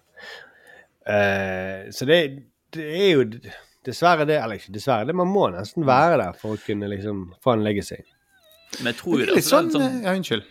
Bare snakk du har. sånn, DVD-markedet kanskje kommer litt mer tilbake da, jo mer det her skjer. at Da vil, vil man, hvis du skal eie noe, da må du eie det. Da blir det ditt. Eh, da må du faktisk ha det fysisk, til syvende og sist. Jeg har jo sett nå at eh, etter hvert nå så har det, når strømmet, det er blitt så mange strømmetjenester. Så det som har økt veldig, er den gode gamle BitTorrent-nedlastningen. Mm. Der folk rett og slett laster ting ned ulovlig med BitTorrent. da. For det, det, man blir jo helt sånn her Hvor er det? Hva? Bla, bla, bla. Og eh, det er så mange leverandører, og det er så mye innhold, at folk heller bare laster ned igjen. Altså Hele hensikten med disse tjenestene er i ferd med å forsvinne. da. Mm. Ja, jeg har sagt opp eh, HBO, for eksempel. Og så skulle Har du jeg det? Ja. Eller, ja, jeg gadd ikke for Ja. Eh, det er bare spare opp ja. Sånn. Du kan jo spare opp igjen Du kan jo spare opp igjen eh, nye ting, da. Det er jo litt det også. Ha litt sånn Nå legger vi det død, så kan jeg ikke ha det i et år, og så om et år kjøper det opp igjen, så kan jeg se alle de seriene som har kommet Ja. siden sist. da. Men det, når jeg liksom skulle prøve å finne Friends og vise det, for eksempel, til min datter, så fant jeg ut at det eh, er ikke på Netflix lenger. Eh, og det er ikke eh, på Disney eller på TV2 eller Du må Men det er jo- eh, det er- Max. Det er jo HBO som kjøpte det. Eller mm. Warner, da. Som kjøpte det. Nei, det er helt eh, eh, Det er jo litt sånn her, Når vi er inne på strømmetjenester, da, for å ta et lite sidespor Det er jo litt interessant hva som kommer til å skje nå når, med denne her forfatterstreiken. Og eh, strømmetjenestene og den konflikten som er der, med at eh, forfattere er forbanna for at ikke strømmetjenestene betaler. Ja, og så er de redde for det der AI-tingen. Ja. Ja, ja, altså at de Jeg Det er veldig spennende. Jeg leste et sted at eh, Hvor det var, det husker jeg ikke i farten, men at det er liksom at For det er så steile fronter eh, at eh, strømmetjenestene vil jo ikke eh, offentliggjøre noe. Og gru, det spekuleres i at grunnen til det er det at tallet strømmetjenestene har på, på eh, programmene sine, er så mye lavere enn investorene tror. Så hvis de Mm. offentliggjør tallet, så stuper de på børs, og så kan, hele, altså, så kan de gå rett og slett dukken, da. At det Mm. rett og slett ikke er så mange eh, i forhold til hvor mye de har produsert, hvor mye innhold som er laget, og hvor mye de har investert og fått i, i, i Altså penger de har fått tak i, så er det rett og slett jævlig dårlige seertall. Og det er derfor de bare er så steil at de ikke vil forhandle. Det er noen nok eh, for det, det, det føles litt som en boble nå, for alle oppretter sin egen eh, sin egen strømmetjeneste. Ja. Og eh, det er åpenbart at folk kan ikke betale for alt det. folk gidder ikke ha eh, betale 150 både for og så 700 kroner for Viaplay og så Netflix. Nei, det er jo og, Så har jo IPTV økt noe voldsomt der. Det er en sånn ulovlig eh, boks som du kan streame Premier League og alt mulig for. På hva er det, 1000 i året du betaler for en sånn? Det er jo kjempeulovlig. Pengene går jo rett i sånn der eh, Det de har sporet, det er jo rett og slett mafiavirksomhet, rett og slett. Men jeg skjønner jo at folk velger det, f.eks. istedenfor å betale 1000 kroner i måneden for Premier League. Og så får Ja, ja. du alle tjenester inn på en bokskjede, som er veldig mye mer convenient. og ja, Det er ulovlig, men jeg forstår, jeg har det ikke. For jeg føler at det vil være å skyte seg sjøl i foten når du jobber i bransjen. Men jeg forstår veldig godt at folk tyr til det. Jeg tror, så folk har blitt vant til å De vil ha det beste tilbudet, da. Det er litt det man har blitt vant til. Du forventer at jeg skal Ja. få det jeg vil ha. Det er det standarden som har blitt satt. Hvis jeg ikke får det, så tar jeg bare det beste tilbudet. og Jeg kan ikke noe for at det er ulovlig. Det er det beste tilbudet, liksom. Ja, men også sånn som eh, Det var det sånn som CD-bransjen, musikkbransjen, skjøt seg i foten med å si at Nei, vi, vi skal betale 100, 129 kroner for en CD, liksom. og så, ja, men da lasta jeg det bare ned på Mm. Limeyer, eller hvor det var. Eh, Eller på Napster. Og det For det når etter hvert, når teknologien er der, det er så lett, og så kan ikke du forsvare de prisene lenger. Det kan ikke det. Ok, men nå eh, Dette er jo en stor og fin diskusjon som vi må ha eh, fortsette. Men eh, nå må vi tilbake Jeg til vårt vanlige liv. Ja. Vi må det. Jeg er om eh, fem minutter blir jeg kastet ut her. Jeg tror eh, Ja. enken til Trond Kirkevåg vil ha bildet sitt tilbake. Mm, ja. Så det Det hadde vært gøy hvis det var sant. Mm. Ja, kanskje det ja. Sto hamret på døren, helt så desperat etter å få tak i det Ja, så er det en dame i, som er kledd ut som en Hun ser manneklær. helt lik ut. Hun ser helt lik ut, og det ser er så rart. Det er Trond Kirkevåg. Er det fra Kirkevågen? Ikke død, hadde bare kledd seg ut. Det er, den, den, er det også et sånt frø, Arild? Det der bildet i bakgrunnen? Sånn fra at vi skal plutselig begynne å gå inn og se på gamle KLM-sketsjer? Får se. Eller begynne å kjøres ut som damer. Det, det vil folk som, det, folk som følger med i høst da, på uh, Ukens Snakkiser og framover. Plutselig så dukker det opp litt uh, gammel NRK-humor. Jeg fikk- Mm. Dette jeg er jeg agent fra NRK. Med Lonas. Vel- Vi har fått en fra innsiden på NRK på denne podkasten. Ola Ringen har anbefalt eh, Ola Ringen. Faktisk visste du at uh, hvem som faktisk har skrevet med Lonas? Ja, Bård Tufte er faktisk eh, Han er faktisk statist i den ene sketsjen. Bård Tufte Johansen. Må du jo se, må jo se det. Ja, det blir gøy. Det, det, det, sesong fire, folkens, har en flying start. Sesong, det er sesong fire av denne podkasten, tror jeg. Jeg har ikke helt Ja, vi tror tellingen. det. Vi Folk er, folk er veldig opptatt av sesonger. oss. Ja, veldig opptatt av det. Og så eh, er vi jo sterkt tilbake med Da er Sturle tilbake. Han var Mm, da satser på det. eh, Leiligheten hans var full av slektninger som ikke kommer seg hjem over fjellet. Fordi det er jo Det er jo eh, ras på Bergensbanen, og det er jo bare kaos i Norge. Stakkars Sturle. Stakkars Sturle. Det er, Det er jo mine er slektninger òg, så eh, han tok støyten denne gangen. Ai, ai, ai. Ikke dårlig. Hei, OK. Vi, hei, Sturle. Vi uh, prates om en uke, da. Ja, ja, ja. ja. Ja, ja. OK. Ha det. Ha det bra.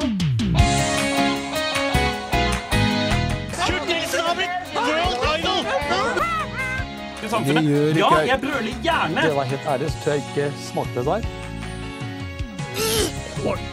Jeg er jo egentlig en ganske flatbrystet pike. Oh yeah? Well, I love you too. Det ser jo ut som en løgn. Er Kjersti, sånn snakker vi ikke. One small step for man,